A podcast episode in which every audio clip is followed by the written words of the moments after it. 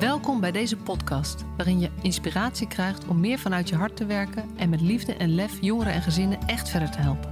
Voel je waarde, voel de passie voor je vak, voel je professional vanuit je hart.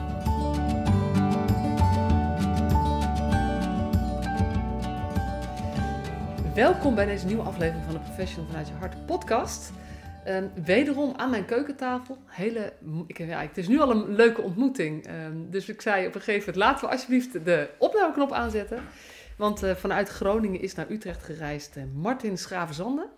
Auteur van twee boeken.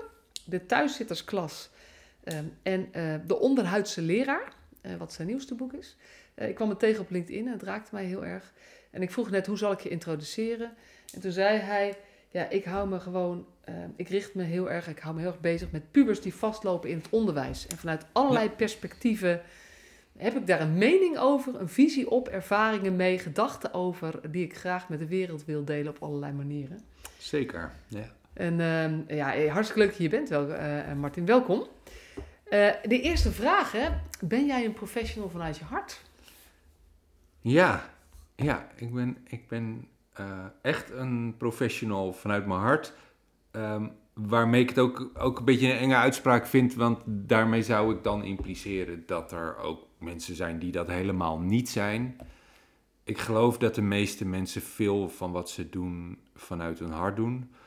Maar het is bij mij wel echt zo dat zelfs toen ik nog op het ministerie van Onderwijs werkte, ik heb nooit uh, verlangd naar uh, geld of een groot inkomen. Ik ben altijd op zoek geweest naar hoe kan ik me nuttig maken uh, voor de samenleving op een leuke en intellectueel uitdagende manier.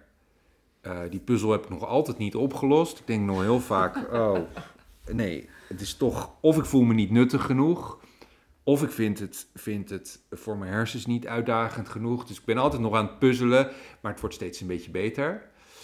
Uh, maar dat verlangen uh, uh, om iets nuttigs te doen, ja, dat, dat heeft, altijd, heeft me altijd geleid eh, in mijn werk.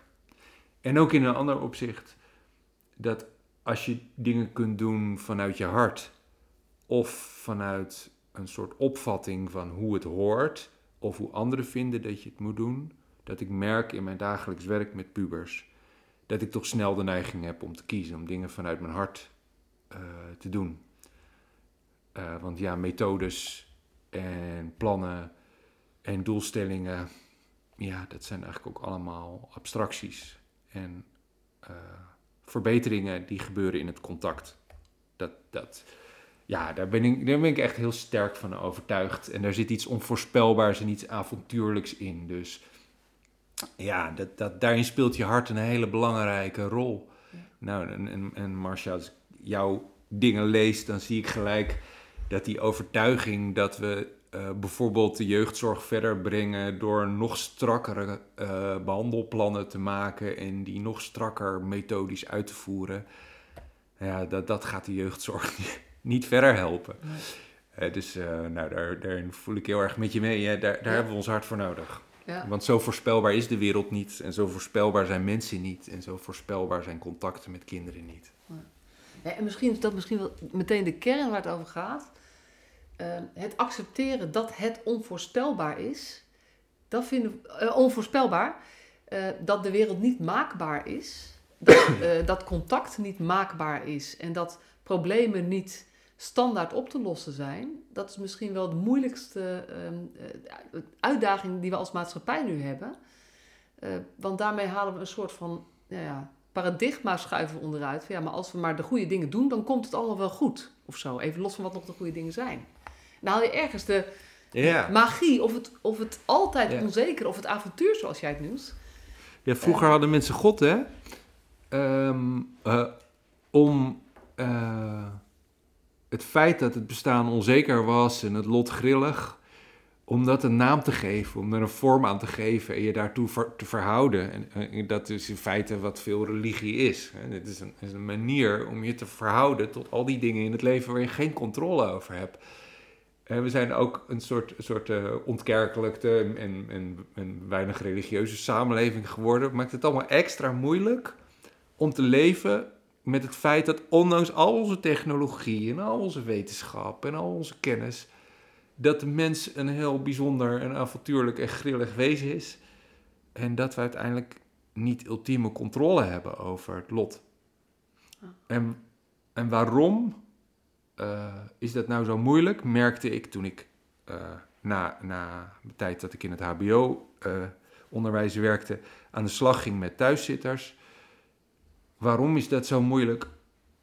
Als je het hebt over professional vanuit je hart, dan is een hart is niet alleen maar liefdevol en betrokken en moedig en zorgzaam. Een hart is ook angstig en vertwijfeld en, en onzeker en kwetsbaar.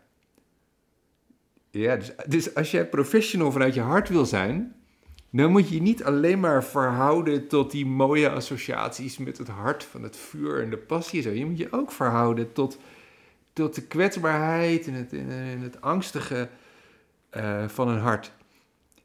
En ja, daar ben ik erg, erg door aan het denken gezet toen ik met die pubers die allemaal echt in moeilijke situaties zaten, op meerdere scholen weggestuurd depressief, suicidaal, uh, in allerlei moeilijke situaties. Toen ik daarmee moest werken, toen voelde ik de noodzaak om ook contact te maken met dat wat in mijn hart zat, wat misschien allemaal niet zo rooskleurig was.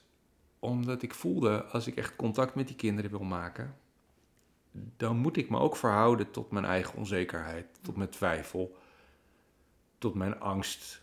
Bijvoorbeeld mijn angst dat ik een, een kind waarmee ik werk nog verder beschadig, dat ik hem beledig, uh, dat ik te maken krijg met agressie, uh, dat een kind na een paar gesprekken met mij toch voor de trein springt en ik mijn leven lang schuldig voel. Nou, iedereen die, die werkt met mensen kan zich deze angsten wel voorstellen. Uh, wat ik geloof is, is als je een manier vindt om je daar, daar niet voor weg te lopen, voor wat er dan in je eigen hart gebeurt en je daartoe te verhouden, dan ontstaat er ook een pad waarop we effectiever worden in dat contact, uh, bijvoorbeeld met uh, pubers. En dan gebeuren er prachtige dingen. En dat is eigenlijk waar die boekjes die ik schrijf, die gaan um, voor een deel, klein deel over een paar hele trieste dingen, maar ze gaan vooral over al die prachtige dingen die gebeuren als het lukt om je te verhouden tot je eigen kwetsbaarheid en van daaruit het contact aan te gaan met kinderen. Ja, en, en dat heb ik gewoon gemerkt. Dan, dan ontstaat er beweging. Dan gebeuren er mooie dingen in, in, ja, bij kinderen die al jarenlang vastzaten. En dan uh, ja. krijg je de meest prachtige ontwikkelingen. Ja, en als ik je zo hoor praten, um, je bent een diepe, diepe denker, daar hou je van volgens mij. ik hoor wat, wel heel, heel wat filosofie er doorheen, zeg maar. En, en weet je, dat probeer je wel, dat, dat probeer je in te perken volgens mij. Want hier, hier kunnen wij heel diep op, op ingaan. Maar hoe, hoe, is jouw, hoe ben jij zo gekomen waar je nu bent? Want ik hoor het ministerie van uh, OCMW. Uh, je hebt Nederlands gestudeerd, vertelde je al. Je, yeah. bent, um, uh, je bent auteur. Dat is, je houdt heel erg van dat schrijven. Yeah. je hebt ook les gegeven bij, de, bij het HBO. en toen ging je een thuiszittersglas doen. Dus er zitten wat yeah. stappen in. Kan je nou, dat altijd meenemen hoe dat ik is heb, gegaan? Ik heb altijd drang gevoeld om me nuttig te maken voor de maatschappij. Ik heb nooit een studeerkamer uh, geleerde uh, willen zijn. Ik heb ook nooit zo de drang gevoeld om uh, bezit of geld te verzamelen. Um, nou was het wel zo toen ik net klaar was met studeren. Toen had ik al twee kinderen. Ik ben heel jong, jong vader geworden. Dus ik had toen wel een baan nodig. En toen kreeg ik een baan bij het ministerie van Onderwijs. Dat was wel heel leuk. En je leert dan echt uh, een beetje zien hoe Nederland bestuurd wordt. En, uh, maar na zeven jaar daar uh, maakte ik snel carrière. Ik heb vijf keer promotie gemaakt in die zeven jaar. En dan ben je dertig en dan heb je een heel dik salaris. En dan komt er toch een moment dat je nadenkt... Maar ben ik nu echt nuttig? En ik merkte steeds vaker dat ik dacht, het zou best kunnen, van wel. Maar ja, ik weet het niet zeker. Het zou ook heel goed kunnen van niet. Met al die abstracte beleidsplannen die we hier maken voor het onderwijs en zo. En op een gegeven moment begon dat te veel te knellen. En toen dacht ik, ik moet iets, iets tastbaarders gaan doen. nou, toen ben ik eerst nog, wat, nog manager geweest. Toen dacht ik, nou, dan kan ik in ieder geval zelf leiding geven aan processen. Ehm, maar toen dacht ik, ja, ik wil me eigenlijk nog meer verbinden met de kinderen waar het me eigenlijk om te doen is. Dus toen ben ik gaan lesgeven, eerst in het HBO. In dat HBO merkte ik, ja, dat inhoud van die vakken waarover ik, waarin ik les gaf, vond ik eigenlijk ook steeds minder interessant. En ik werd steeds meer geraakt door die studenten waarbij het niet lekker liep. Die ik dan als studieloopbaanbegeleider ja, kon ondersteunen met hun problemen. En zo raakte ik eigenlijk geïnteresseerd in autisme, in uitvalproblematiek, in die moeilijke thuissituaties. Nou, en toen kwam door een verhuizing naar de andere kant van het land. Toen ging ik met mijn toenmalige uh, vrouw verhuisde ik eigenlijk mee. Toen zocht ik daar onderwijswerk en toen kwam uh, er een klein schooltje voorbij dat iemand uh, zocht om een thuiszittersklas op te zetten. En ik had wel wat verstand van projectmanagement inmiddels. Dus ik zei, nou, ik wil dat wel een jaar opzetten als project. Maar ja, toen ging ik met die kinderen aan de slag en toen werd ik verliefd op dat werk. En toen ben ik uiteindelijk zes jaar ben ik daar blijven zitten. Ja. En niet alleen als projectmanager, maar ook gewoon als leraar. Ja, en, en daar ontdekte ik uh, uh, nog meer en nog sterker dat mijn ontwikkeling als mens en mijn leerproces, dat zit vooral in met die kinderen aan de slag. Die interacties aangaan die je moeilijk vindt proberen contact te maken met kinderen waar anderen eigenlijk moeilijk contact meer mee krijgen. Daar fouten in durven maken. Je eigen twijfels, je angsten daarin onder ogen komen. Daar met collega's weer over praten. Ja, en, en dat levert een ontwikkelingspad op wat, nou ja, wat ik nog steeds probeer door te zetten. Dat is... Ja. ja. Ja, ja mooi. Dat is een, een, wel uh, iets wat me heel veel gegeven heeft. Dus ik ben die kinderen ook allemaal heel erg dankbaar. En ik heb met, met veel van die kinderen van het eerste uur waar ik mee werkte nog steeds contact. Ja, ja dus dat is heel prettig. Eh. Ja, en om het even, want inmiddels doe je niet meer dat bij diezelfde thuiszittersklas. Nu ben je weer een, uh, je bent weer een keer verhuisd volgens mij. Ik weet niet of dat ja. aanleiding was, maar nu... ja, ik woon inmiddels in Groningen. Die thuiszittersklas was in de buurt van Zutphen. Ja. En nu?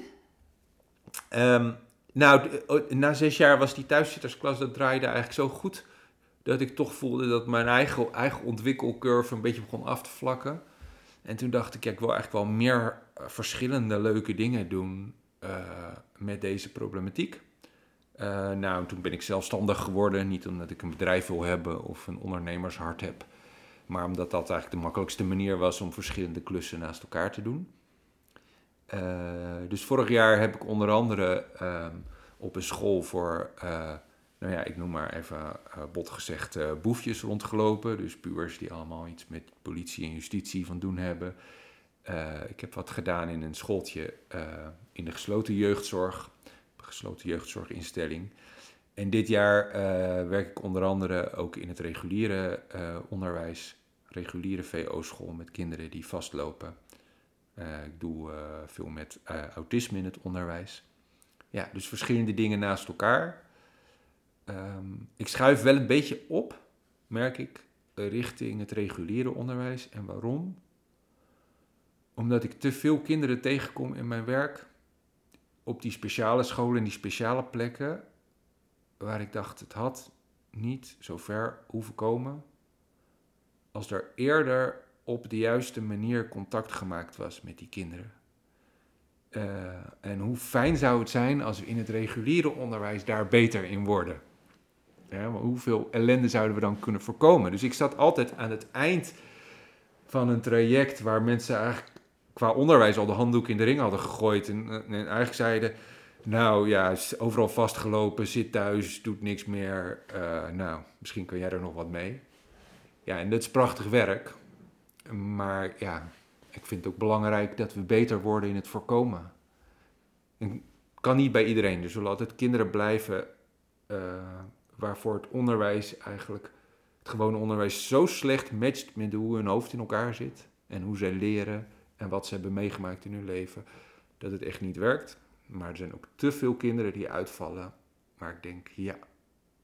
Als, als, we, jij, als, als we met het juiste hart en, en, een, en, een, en een en een goed besef van wat dat is, echt contact maken, eh, dat in het reguliere onderwijs zouden doen, zouden we veel ellende kunnen voorkomen. Ja. Ja. Ja. Nou ja, je hoorde het me net al zeggen, dat, dat praten over...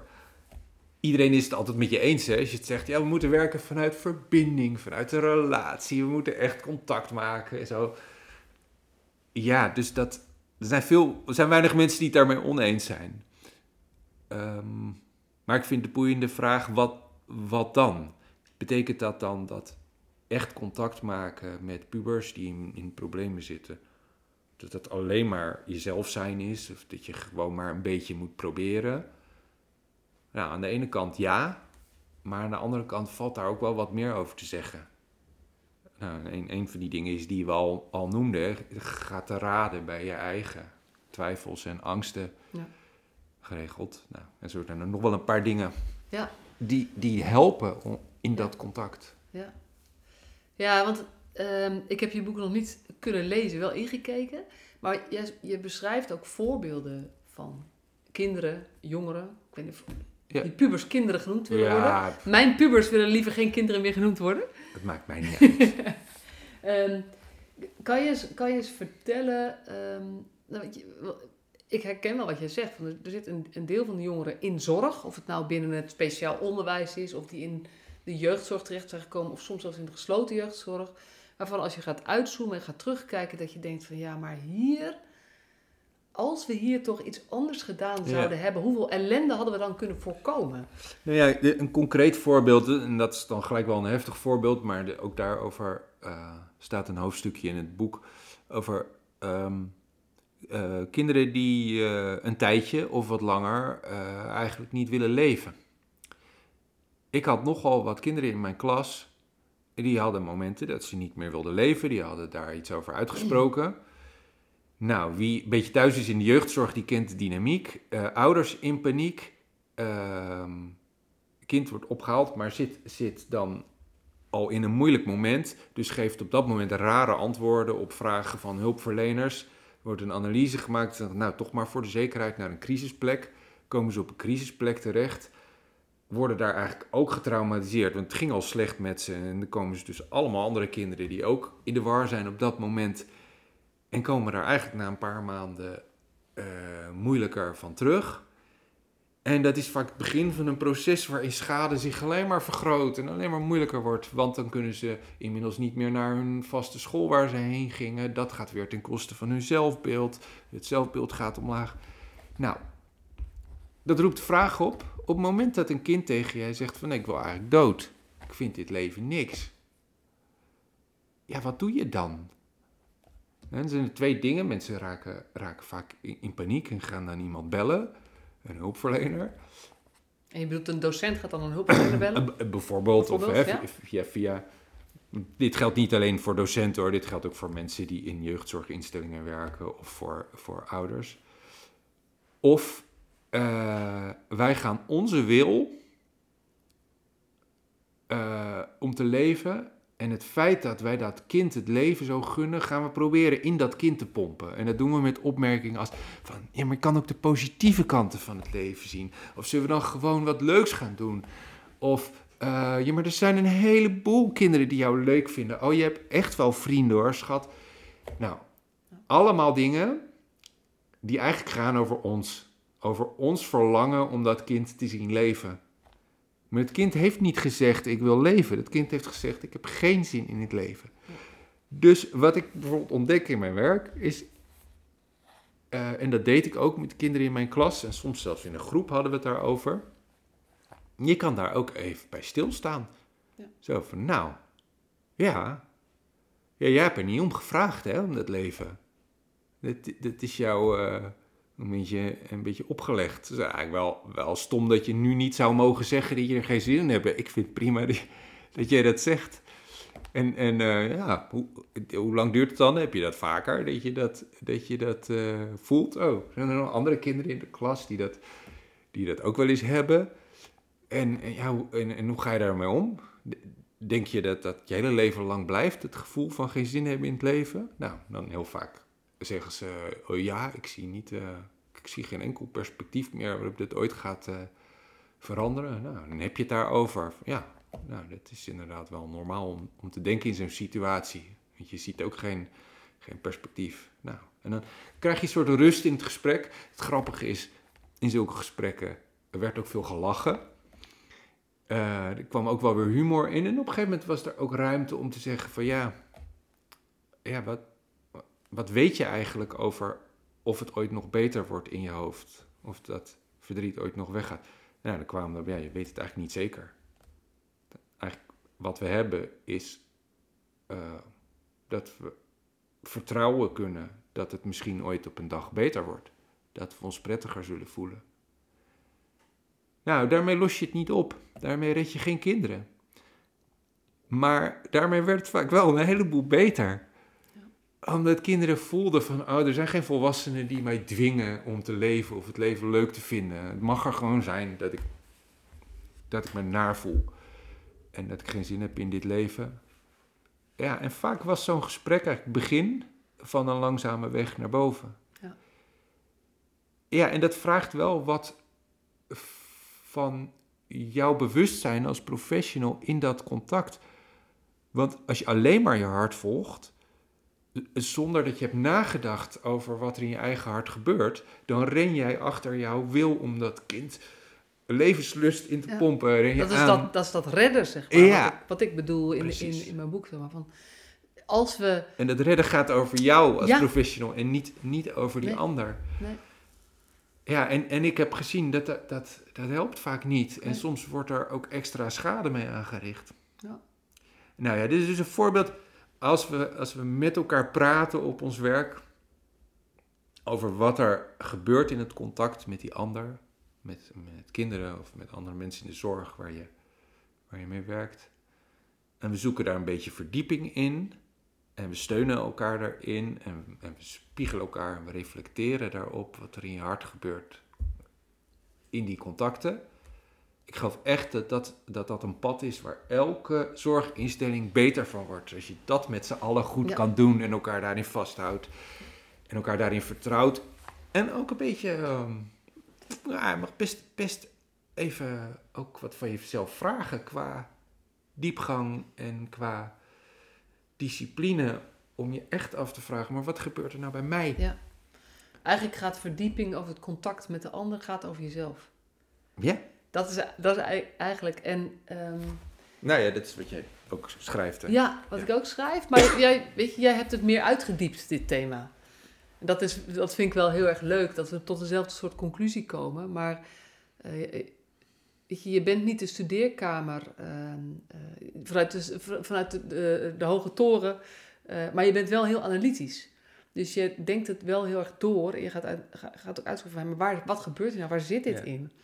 En tegelijkertijd wil ik ook vermijden dat ik de, de, de, de recepten opschrijf in mijn boekjes. Dat probeer ik ook niet te doen. Dus ik probeer ook niet te vertellen van zo moet het. Wat veel leuker is, is als je nou zelf bijvoorbeeld in de zorg werkt of je werkt met, met eh, cliënten of kinderen met moeilijke contactsituaties.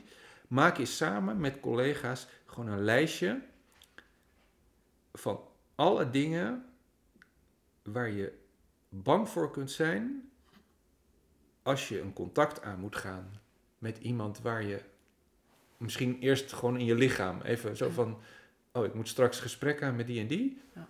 Ik voel iets in mijn buik. Maak eens het lijstje. Wat zijn de, wat zijn de gedachten die er door ons hoofd Ja. spoken? En dat helpt als zoveel door, door, door eens op te schrijven.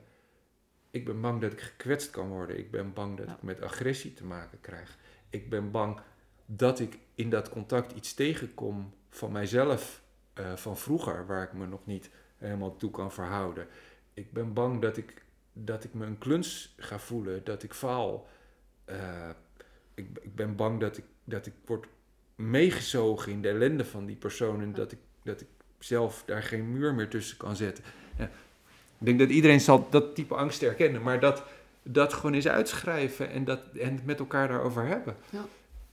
Want je hoeft die dingen niet kwijt te raken, Maar dit is een parallel proces. maar je moet ze wel bewust worden. Ja, en, en het is een parallel proces. Wat je net vertelt over... eh, nou ja, toen je werkte met de jongeren die dan zeggen... van, Ja, eigenlijk wil ik niet leven. Ehm, Dat mag er zijn. Eh, maar het feit dat het er mag zijn ehm, eh, en, en dat we het er dus gewoon over kunnen hebben, omdat het gedachten zijn die je hebt, gevoelens die je hebt.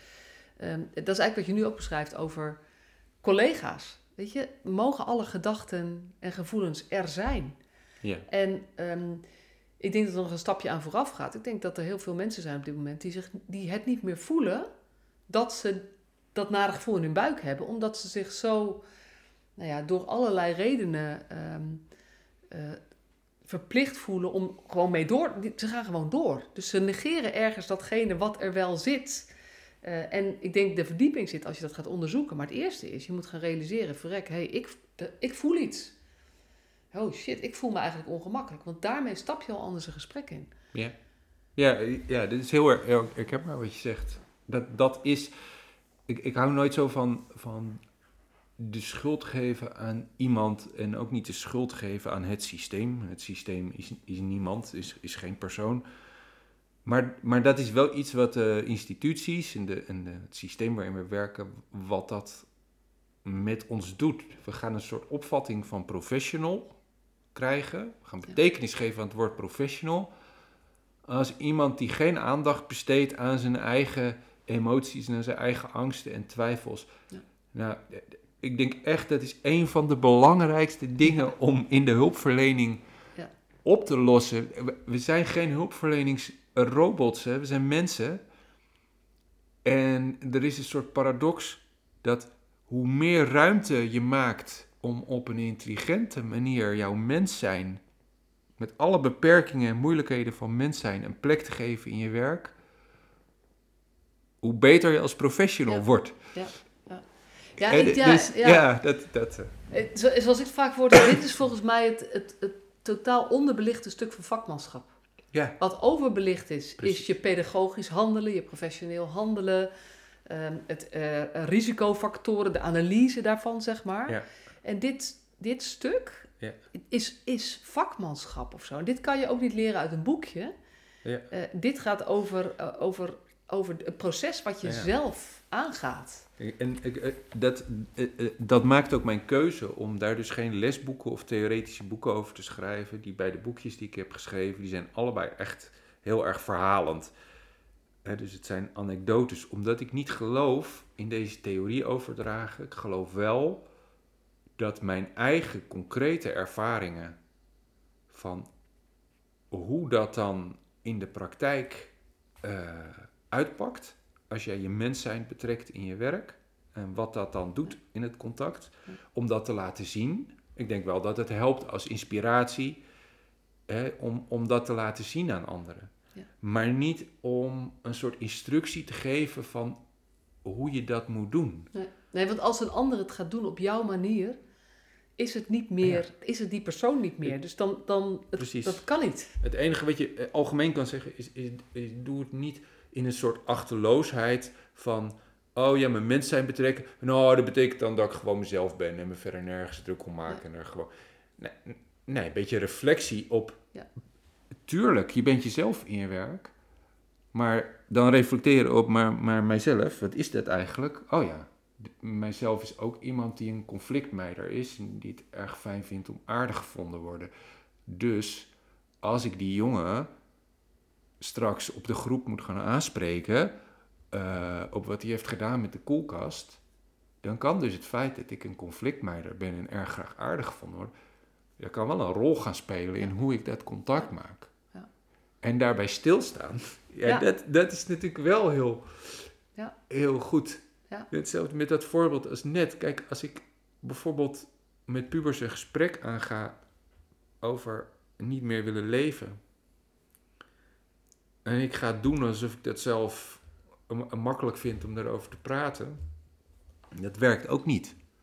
Het, helpt heel erg als ik goed voel bij mezelf wat er gebeurt. En aan het begin zeg, ja, ik vind dit ook, ook een moeilijk Of ik vind het ook onderwerp. spannend. Ik vind het een spannend en Ja. een stroef Ja. onderwerp. Ja. Eh, En het is maar wel fijn dat ja, we het daarover kunnen hebben. Ja. Ja. Ja, en er zit een soort schaamtegevoel onder. En ik weet ook van mensen die dit voelen, zijn ook vaak bang om het uit te spreken, omdat ze niet anderen extra bezorgd willen maken. Dus Juist, ja. er zit, ja, mensen die niet meer eh, willen leven, of dat nou tijdelijk is of dat dat chronisch is, die, die zijn heel vaak zorgzaam naar anderen. Ja. En dat is ook waarom ze dat stuk van zichzelf niet meer delen. Ja. En daar hebben ze, daar hebben ze wel ons echt voor nodig.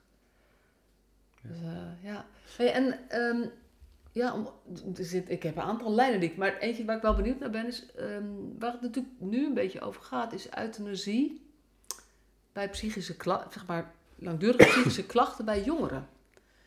Heb je, heb je daar een gedachte over? Van, dat is natuurlijk wel, ja, er is een, een Ja. beweging. Ja, heb ik gedaan. Ja. Ehm, als je begint bij de principiële vraag, mag dat of mag dat niet, dan wordt het heel moeilijk. Dan krijg je een verhard debat tussen mensen die hele goede principiële reden hebben om te zeggen dat mag niet, en mensen die hele goede reden uit hun eigen belevingswereld en ervaring hebben om te zeggen dat moet mogen. Want een gevoel van iemand is niet onwaar. Dus als je, als je het zo principieel voert, dan krijg je een heel moeilijk debat. Maar ehm, één ding weet ik wel. De zwaarte die we op die gesprekken eh, leggen. eh, en, en, het, en het taboe om het er gewoon op een normale, alledaagse manier over te kunnen hebben. Over niet willen leven. eh, dat, dat helpt niet om ons als mens te leren hoe we ons moeten verhouden tot leed en tot lijden. Dus wat ik denk, is ik denk er zal incidenteel af en toe zal er eh, een jongere zijn met zo'n heftig geval van uitzichtloos psychisch lijden, dat je misschien kan zeggen, nou dan is dat de enige oplossing. Maar ik denk een heleboel gevallen waar we het nu over hebben, daar vraag ik me af, als deze mensen al jarenlang in een context zouden zitten waar op een gezonde manier gepraat wordt en geleerd wordt over hoe kan je je als mens verhouden tot leed en, en tot lijden en tot pijn en tot het feit dat het bestaan ook voor een flink deel uit leed en lijden bestaat. Hoe kunnen we elkaar steunen om dat door te komen? Hoe kunnen we over de schaamte dat ons leven misschien niet, dat we het niet voelen als een succes en een, een en al vrolijkheid. Eh, hoe kunnen we over die schaamte heen komen? In een omgeving waar al die dingen goed op orde zijn en we daarover kunnen hebben dat er mag zijn. Ik vraag me sterk af of er dan nog zoveel mensen zouden zijn die op het punt komen dat ze zeggen: Ik wil echt praktisch naar een euthanasiesituatie toe. Ja. Dus we kunnen daar niks algemeens over zeggen, omdat we eigenlijk we die nog niet de niet mooie, niet mooie Ja. context hebben om daarmee om te gaan.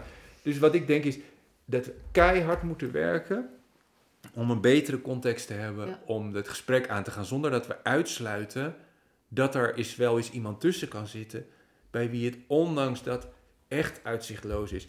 Maar we moeten echt eerst Ja. daaraan werken, want ik heb gemerkt gewoon hoeveel verlichting het kan geven als dingen er mogen zijn. Ja. Als, als Ja. er leed er mag zijn. Ja. En ik herinner me dat uit een documentaire over, over jongeren met een lang- langdurige doodswens. Het is een psychiater die zei heel mooi: ja, kijk ook naar onze maatschappij. Als jij je knie, eh, eh, als jij je been breekt en je ligt in het ziekenhuis, dan komen mensen aan je bed zitten, nemen ze een bloemetje mee en chocolaatjes. En wat zeggen ze dan? Goh, ja, wat naar voor je. Hè? Het moet vervelend zijn, de hele tijd die pijn die je maar doorzeurt.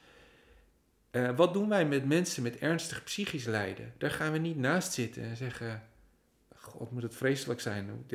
Hoe, hoe, voelt dat? En, en Ja. ik kom naast je zitten en we zijn even samen in dat lijden. Nee, daar gaan we tegen zeggen: Nou, eh, je kan het ook van deze kant bekijken. Ja. Of, eh, nou, we moeten gewoon iets doen om je weer een beetje in een positieve vibe te krijgen. Ja. Ja, dat is dit. Met iemand met een beenbreuk zeg je ook niet van. Je moet gewoon doen alsof die breuk er niet is. En dat verschil, ja, dat is wel eh, onderdeel van deze problematiek. Dat dat nog zo in onze cultuur zit. Dat we met psychisch lijden zo anders omgaan Ja. dan met andere vormen van lijden. Ja, en het ik- daarmee eigenlijk niet ja. serieus nemen. Nee, maar, nee, we nemen niet serieus, maar we laten vooral mensen die zich heel erg, die het heel erg zwaar hebben, laten we alleen staan. Omdat we juist dan eh, niet naast ze kunnen blijven staan, omdat ze lijden of zo. En dat, heeft- nou, dat heeft natuurlijk alles met jezelf te maken. En de verantwoordelijkheid die je voelt, zeker als professional en, en dit gebeurt, zeg maar, of als ouders. Weet je, ja, dat kan ik me niet, Ja. mij niet voorstellen. Maar ik vind het wel mooi hoe jij erover praat ook. Van, ja, we, we moeten het niet hebben over wel of niet euthanasie. eh, eh, zeg maar, moet het wel of niet mogelijk zijn? En welke In ieder geval voorwaarden moet het dan? gesprek daar niet beginnen. Nee, het gesprek moet eigenlijk gaan over... Maar, maar mag, het eigenlijk, mag het eigenlijk zo zijn dat iemand dit voelt? Ja. Of vinden wij het feit dat iemand dit Ja. voelt al eigenlijk onacceptabel? En op het moment dat je dat dus als uitgangspunt neemt... dan laten we iemand zo in de steek... dat je nooit meer kunt komen tot een punt dat iemand zich Ja. gezien, gehoord, begrepen voelt. Wat altijd een startpunt is volgens mij van eventueel ja, je minder Nou, eh, en alleen voelen. Sterker nog, ik stuitte laatst eh, via mijn vriendin die klinisch psycholoog is. Ik doe wel eens mee met haar online bijscholingen. eh stuit ik op gewoon heel gedegen wetenschappelijk onderzoek eh, naar validatie. Eh, waar ze gewoon echt hadden onderzocht dat de vermindering van eh, psychische klachten gewoon beduidend sneller ging. eh, als, eh, en dat ging over hoe ouders met kinderen omgaan. Hè? Als ouders tegen kinderen zeggen: Goh, wat naar voor je. eh, en wat moet dat naar zijn om je zo te voelen? Dan als ouders zeiden: Kom op. eh, Ja. hè, dus dat, dat is. Of ik heb wel een idee, laten we dit gaan doen. dus de- dit is zou een goede hulpmiddel voor je zijn. nou, in de psychologie noemen ze dat validatie. Hè? Ja. Dus, dus daar, daar was onderzocht en komt gewoon glashard uit hoe belangrijk die validatie is. En dat betekent dat je zegt, je leed mag er zijn, je leed wordt eh, gezien. En dan de moeilijkste stap, eh, soms moet je daar ook bij zeggen, dat leed wat ik zie bij jou doet ook iets met mij. Ik vind dat best heftig. Ja. Ik heb de neiging om, om weg te rennen. Hè? En, en een beetje positief gaan zitten doen is ook een vorm van wegrennen. Maar ik ga toch proberen daar met jou samen Ja. eh, Ja. in te zijn. Al is het Ja. maar een tijdje. Ja. En, en dat, eh, dat werkt. Dat werkt echt. Ja. ja. Ja, geloof ik. Dan gaan we helemaal dit topic in. Zo, dat, dat gaat zo met zo'n gesprek. En Ja. Dan kom je ergens Maar ik heb in. nog wel een vraag aan jou. Ja, Als je nou, want jij geeft ook, ook eh, les hè, en, en, en trainingen en zo. Als je nou tegen, tegen zorgprofessionals op de werkvloer zou moeten zeggen van, van wat kunnen jullie nou samen, hè, zonder je manager of zonder systeemveranderingen, wat kan je samen doen om die ruimte, eh, om stil te staan bij ook de moeilijke dingen die in je hart gebeuren in je werk, je kwetsbaarheid, je angst en je twijfels in het maken van contact. Om daar ruimte voor te maken. Wat, hoe, hoe, want, want ik heb wel eens het gevoel van, misschien hoeven we daarmee helemaal niet te wachten op stelselwijzigingen nee. of zo. Hè? Maar ja, heb je concrete ideeën van hoe kan een groep, een, gro- een groep collega's, wat kunnen ze doen om daar ruimte voor te maken? Dat dat gewoon, dat we mens mogen zijn Ja, in onze baan. ja ik, ik maak het altijd heel simpel. Ehm, dat ik zeg, eh, ja, je kan zeggen, we hebben er geen tijd voor. Maar uiteindelijk is dit ook eens prioriteit. Of niet. En ik geloof er zelf ehm, ja. steeds minder in dat we moeten zeggen, hoe gaan we dit organiseren? Eh, maar dat, dat, dat eigenlijk verandering begint bij dat iemand besluit, dit heeft voor mij prioriteit. En linksom, rechtsom, geen idee. Maar ik heb dit nodig. Ik vind het belangrijk, maar ik, ik wil dit ook. Dus eh, het is zo klein dat jij altijd als individu een collega kan bellen of een vraag kan stellen aan een collega die op dit level zit. En ehm, mijn ervaring is dat als er één iemand is binnen een team die dit gaat doen, Ja. Ja, dan. dan opent dat gesprek al. Dus, ehm, en vervolgens heb je de waan van de dag, die neemt het weer over. En wat je heel vaak ziet is, dan begin je ermee met hele goede plannen, een soort goede voornemens, 1 januari tot volgende 1 januari. Ehm, maar als jij als, jij als, als professional denkt van ja, maar, maar dit is wel echt, weet je, hier wil ik echt de verdieping in hebben. De enige die kan zorgen dat die verdieping er ook komt, ben jij zelf. Eh. En ga op zoek naar mensen die, die dat gesprek met jou voeren. Want die zijn er altijd. En als je ze niet binnen je team vindt, kijk je buiten je team En als je ze niet buiten je team en je organisatie vindt, kijk je buiten je organisatie. Maar dit is, ehm, dit is ook iets wat gewoon van jou is. En ja, ik, wat ik om me heen zie, wat ik bij professionals zie, is mensen die dit gaan doen. Ehm, dit is besmettelijk. Want iedereen weet dat het hierover gaat. En ik geloof dat, dat, dat dit heel klein kan beginnen, maar dat het ook een, een onstuitbare eh, beweging is. Omdat het een, een veel meer recht doet ook aan de persoon van de professional. Mensen die zo werken, ervaren hun werk in het algemeen als minder zwaar. Terwijl ze eigenlijk het zwaarder, het, het, het, bijna zwaarmoediger maken door het over dit soort moeilijke dingen te hebben. Ja. Dus, dus dat bijvoorbeeld. En je zou, weet je, als je het wel als team zou willen oppakken, zou je ook kunnen zeggen van nee, we hebben, als we een teamvergadering hebben, eh, hebben we het niet over ehm, eh, hoe, het over de, hoe het met jongeren gaat of met de mensen gaat, maar hebben, gaan we het hebben over hey, wat, wat, wat is het, of het heftigste wat ik heb meegemaakt afgelopen week. Je kan het heel praktisch maken. Ja. En hoef je niet te wachten op je team, en zeker niet op je organisatie, dat kan je vandaag of morgen doen. Ja. Ja, nu je het erover hebt, denk ik, een, een, een hele mooie en cruciale is ook wel uh, met collega's het hebben over uh, vertrouwen. Uh, en dan met name bijvoorbeeld in de gesloten jeugdzorg. Op het moment dat je niet praat over je wantrouwen, dus je praat met collega's niet over de vraag: hebben wij eigenlijk vertrouwen in de kinderen met wie we werken? als daar te weinig over gepraat wordt, wat zie je gebeuren? Dat we eigenlijk ons wantrouwen niet bewust zijn en er geen thema van maken. Maar juist omdat we het niet bewust zijn, gaan we die kinderen tegemoet treden met een enorm wantrouwen. We gaan heel erg leunen op de regels. En we gaan geharnast in gesprekken zitten. Zo van, nou, uh, ik heb jouw dossier gelezen. Ik ga er bij voorbaat vanuit dat alle ruimte die ik jou geef, dat je die zal gebruiken uh, om mij te belazeren. Of, uh, en, en, moet ik ook zeggen, kinderen raken ook geconditioneerd. Dus ik heb ook gezien kinderen die lang in zo'n systeem zitten, waar ze met wantrouwen benaderd worden.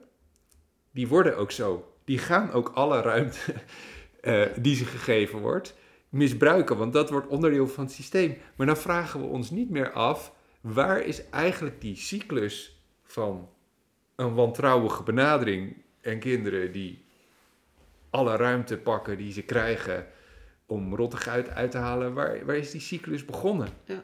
ja, en het begint toch dat we met ons allen niet dat wantrouwen wegredeneren. Want als je met, met kinderen die allerlei rottigheid hebben uitgehaald al werkt, ja, daar is altijd een sportje ervan. Maar, maar, maar daarover hebben.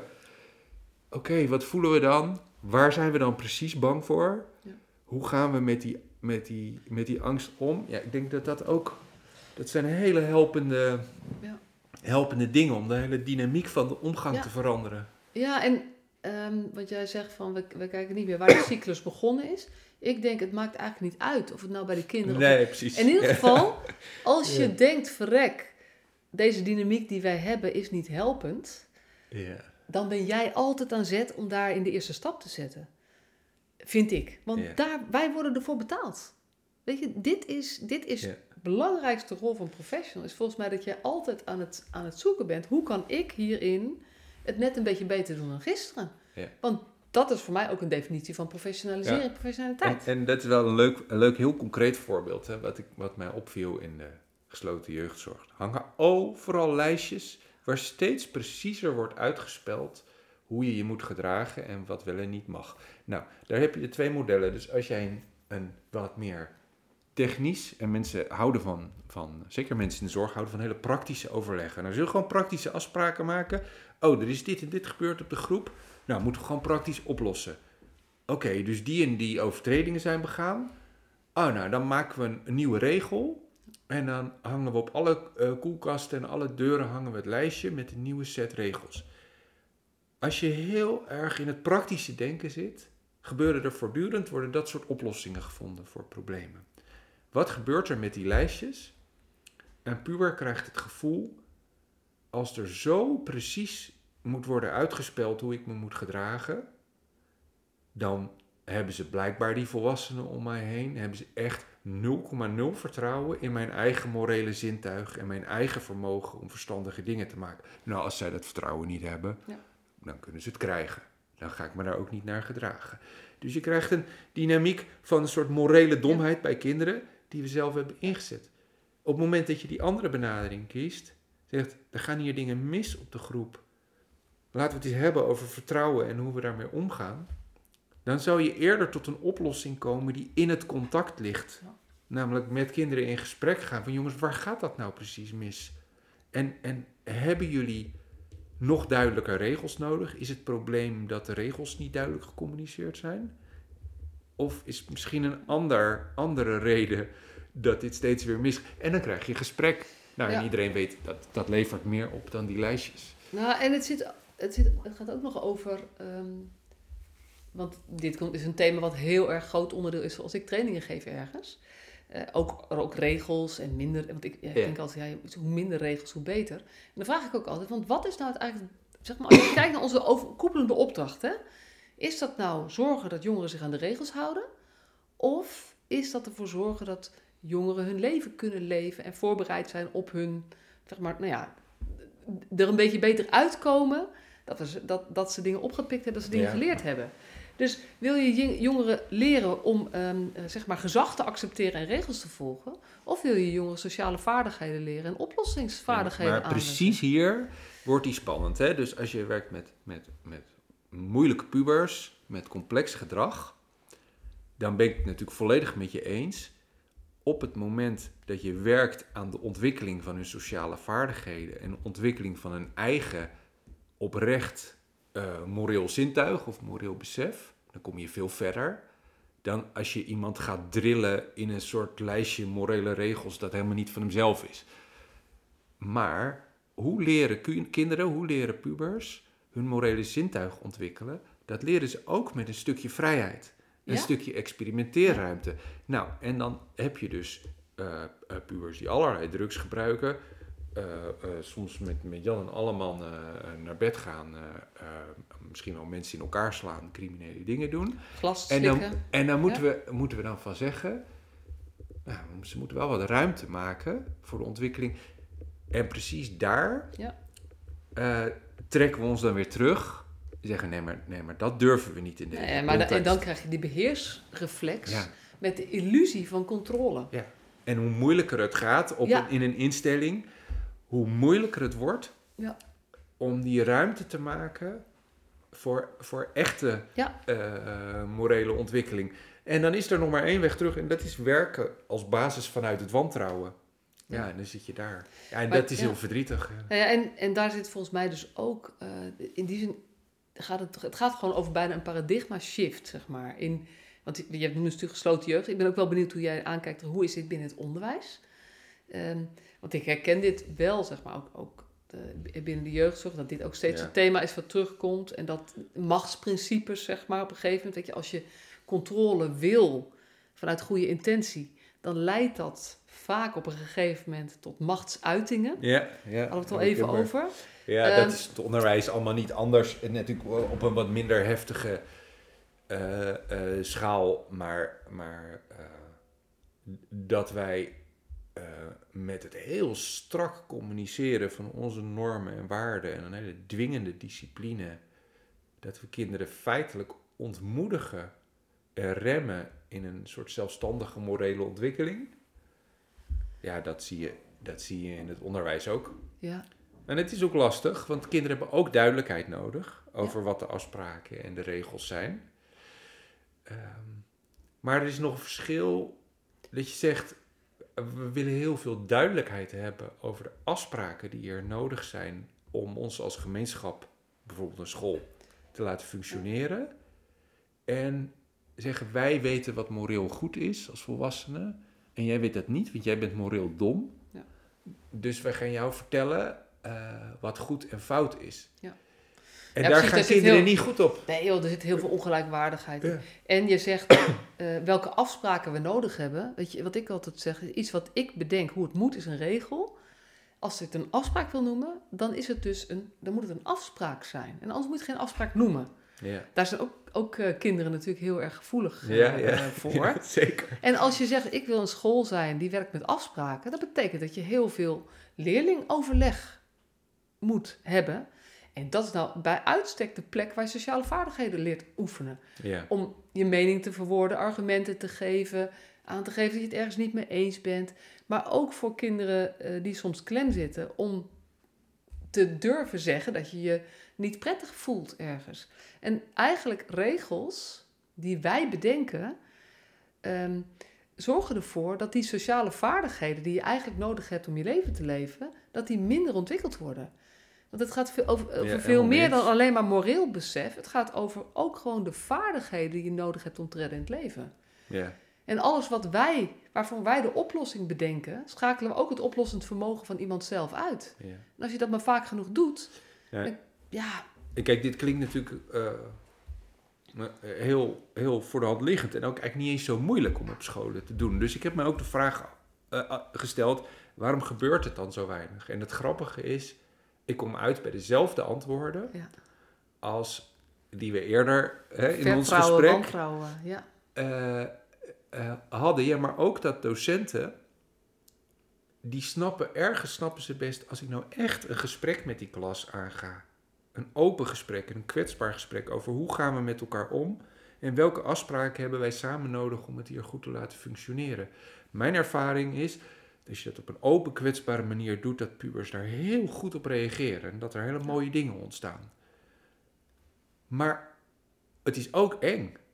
En zeker als jij een klas hebt van 25 leerlingen, van 14, eh, die allemaal een beetje grimmig zitten aan te staren van jij, jij moet het maar doen. Om dan zo'n gesprek te beginnen, ja, dat is ook spannend. Dus daar geldt hetzelfde.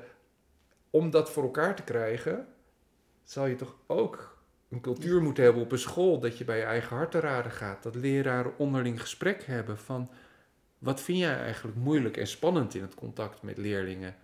Nou, en in het onderwijs is dat nog erger. Misschien wel dan in de zorg is dat een taboe. Ja. Leraren praten, een paar scholen uitgezonderd, maar praten in het algemeen niet met elkaar over wat ze spannend en moeilijk en onzeker vinden Ja. aan echt contact maken met kinderen. Ja. Nee, want we zijn pedagogische professionals, dus we veronderstellen van elkaar dat we daar allemaal heel goed in zijn. Ja. Nou, iedereen vindt dat moeilijk. Pubers zijn ook eng. Kom op, een, een, een groep van 25 eh, pubers. Ja, natuurlijk heb je af en toe het gevoel, als ik iets verkeerd doe, vreet ze me op. Ja. Ja, dat moet er ook gewoon mogen zijn. Daar moet je het over kunnen hebben in het onderwijs. En dat doen we echt te weinig. Nou, en het is, het is veel breder, want natuurlijk is het spannend om dit gesprek aan te gaan met die klas van 25.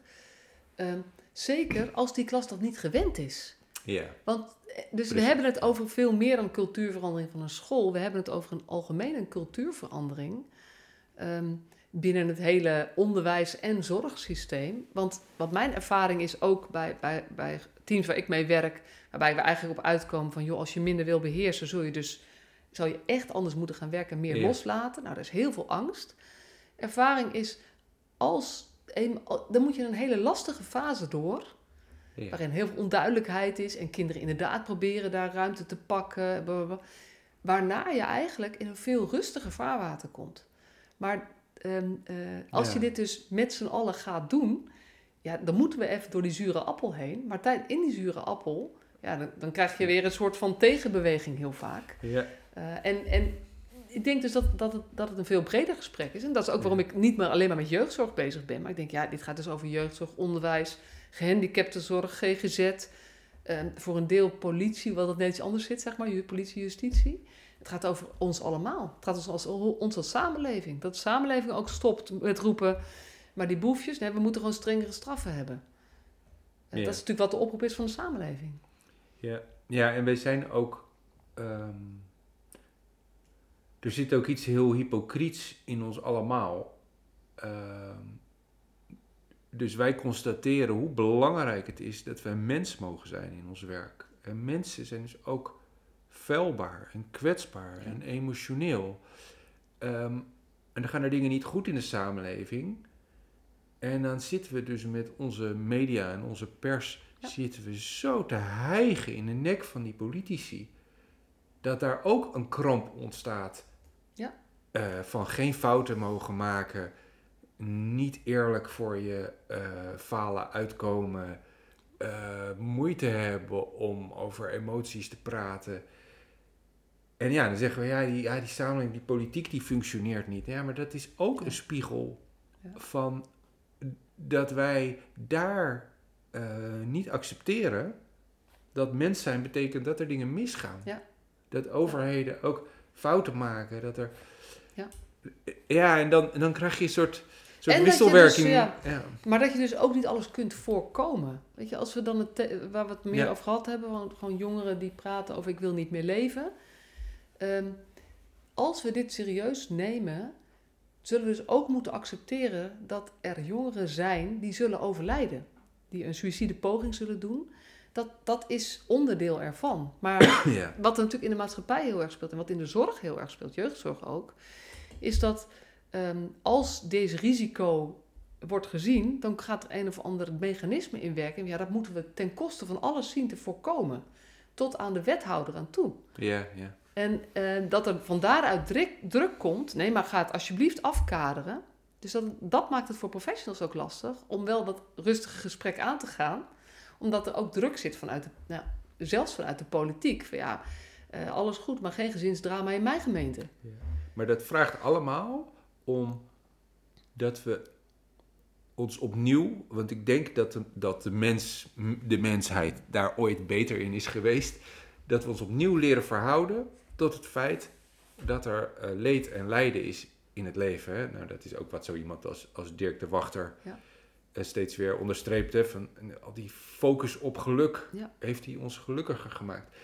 En ehm, dat is iets eh, ja, wat, wat in ons allemaal zit.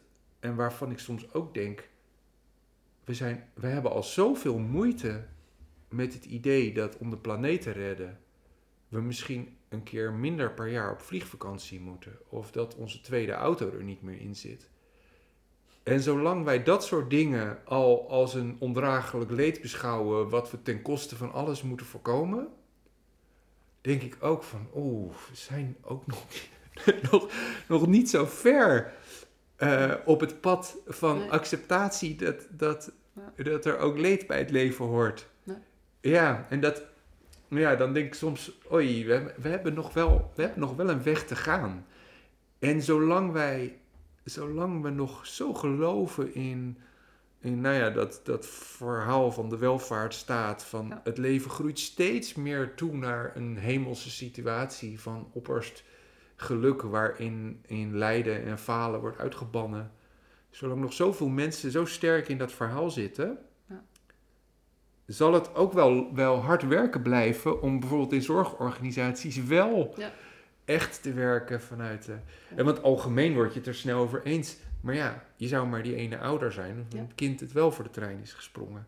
Natuurlijk zit je dan heel anders in dat gesprek. Ja. Dan denk je, hoezo acceptatie? Ja. Dit is mijn kind die... Ja. En toch is ook daar, hè, dit- ik, heb, ik heb onder andere met eh, Katelijne van Dongen over vanuit geweldloos verzet. Die werkt Oh, ja. met oudergroepen eh, rond suïcide, zeg maar. Ook, ook daar gaat het over acceptatie. En ook daar gaat het over elkaar steunen om te verdragen, om de grootste pijn te verdragen. Ehm, en ik denk dat dat als je kijkt naar door dit gesprek heen, gaat het daar heel erg over. Om op allerlei manieren. Eh, het, het daarover te hebben. Ja. En vooral, ehm, dit kan niet geregeld worden voor ons. Dit is, dit is iets als, als dit je raakt, als luisteraar, ehm, dan, dan hopen wij, denk ik allebei, dat jij, ehm, eh, dat jij een van degenen bent die dit thema steeds weer ter sprake brengt.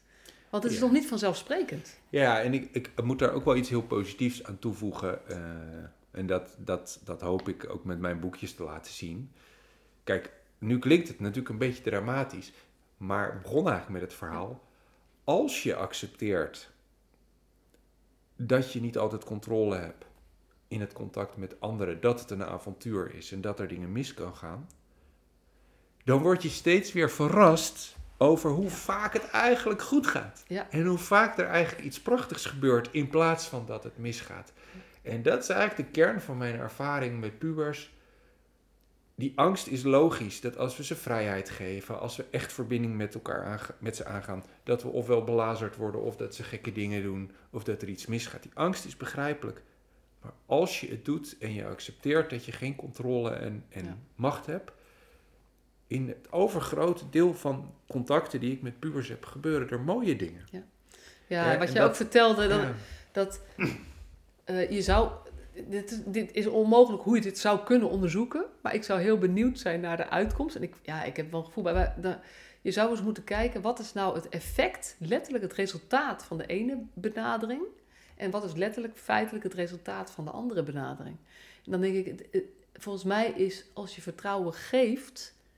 zijn uiteindelijk de resultaten... als je werkt vanuit vertrouwen, zijn de resultaten ook gewoon mooier. Alleen je zult daarbij wel moeten accepteren dat je dat dus niet kunt. Dat je niet kunt zeggen Ja. wat je precies gedaan hebt om te voor, de negatieve resultaten te voorkomen. Nou, ik heb in mijn thuiszittersklas wel hele concrete opbrengsten gezien. Dat, dat eh, het merendeel van die leerlingen haalde, die echt waren opgegeven hè, door het hele onderwijssysteem. Het merendeel van die leerlingen haalde bij ons een staatsdiploma, eh, staatsexamen, eh, MAVO, HAVO. En konden daarna gewoon naar een MBO Ja. of een HBO. En een heleboel van die kinderen functioneren daar nu goed. Maar wat was daar de crux in? Dat we zeiden.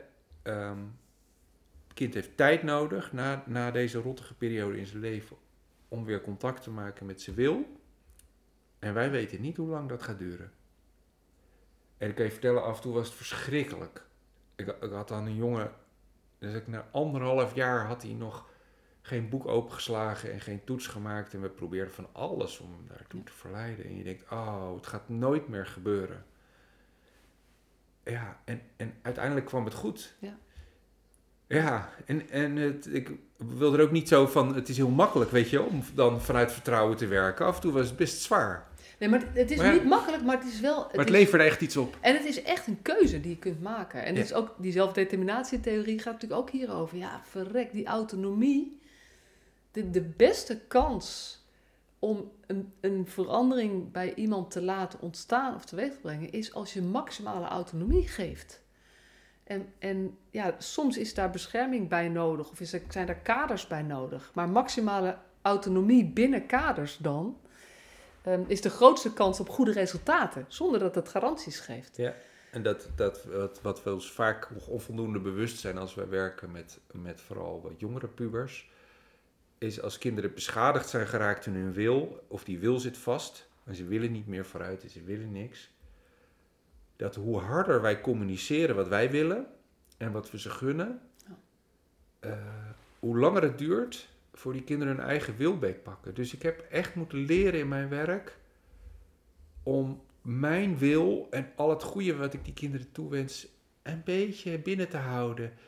Een beetje rustig te houden. En gewoon, ja, het is niet zo belangrijk wat mij allemaal goed lijkt voor jou. Wat belangrijk is te onderzoeken, jou te helpen met het onderzoek Ja. naar wat je zelf wil. Ja, en, en eh, ja, dan meestal kwam het. Ja. Soms snel en soms Soms langzamer, ja. Ja, En soms, en soms ook, ook niet. Alleen dat is die acceptatie die, je- die erbij hoort. Maar, maar heel weinig. Heel weinig. ja, heel weinig heb ik dat meegemaakt, dat het echt niet kwam. Hey, hartstikke mooi, eh, eh, mooi gesprek, dankjewel. ja. Jij ook? Eh, is er nog iets waarvan je denkt, ja, dit wil ik nog toevoegen, moet ik nog toevoegen? Of is het, is het rond zo? Nee, het is zo wel rond. Ja, Ja. Dankjewel. Als mensen nou meer van jou willen weten, wat kunnen ze dan het beste doen? Ehm, ja, is, is, het handigste is eh, op LinkedIn eh, of eh, naar mijn website opengeestig.nl. Dus opengeestig aan elkaar. en dat is vanuit de overtuiging dat we in het werk wat wij doen, dat je een open hart moet hebben. Maar dat je ook een beetje, en je moet ook een open geest hebben. Maar dat je ook een beetje geestig moet zijn om de lucht en de vrolijkheid erin te houden. Want het is vaak al eh, ernstig eh, genoeg. Dus opengeestig.nl. Ja, precies. Nou, hartstikke leuk. Dankjewel voor dit gesprek. En eh, succes met alle mooie dingen die, je die je van plan bent Ja, om de wereld te verbeteren. En jij ook?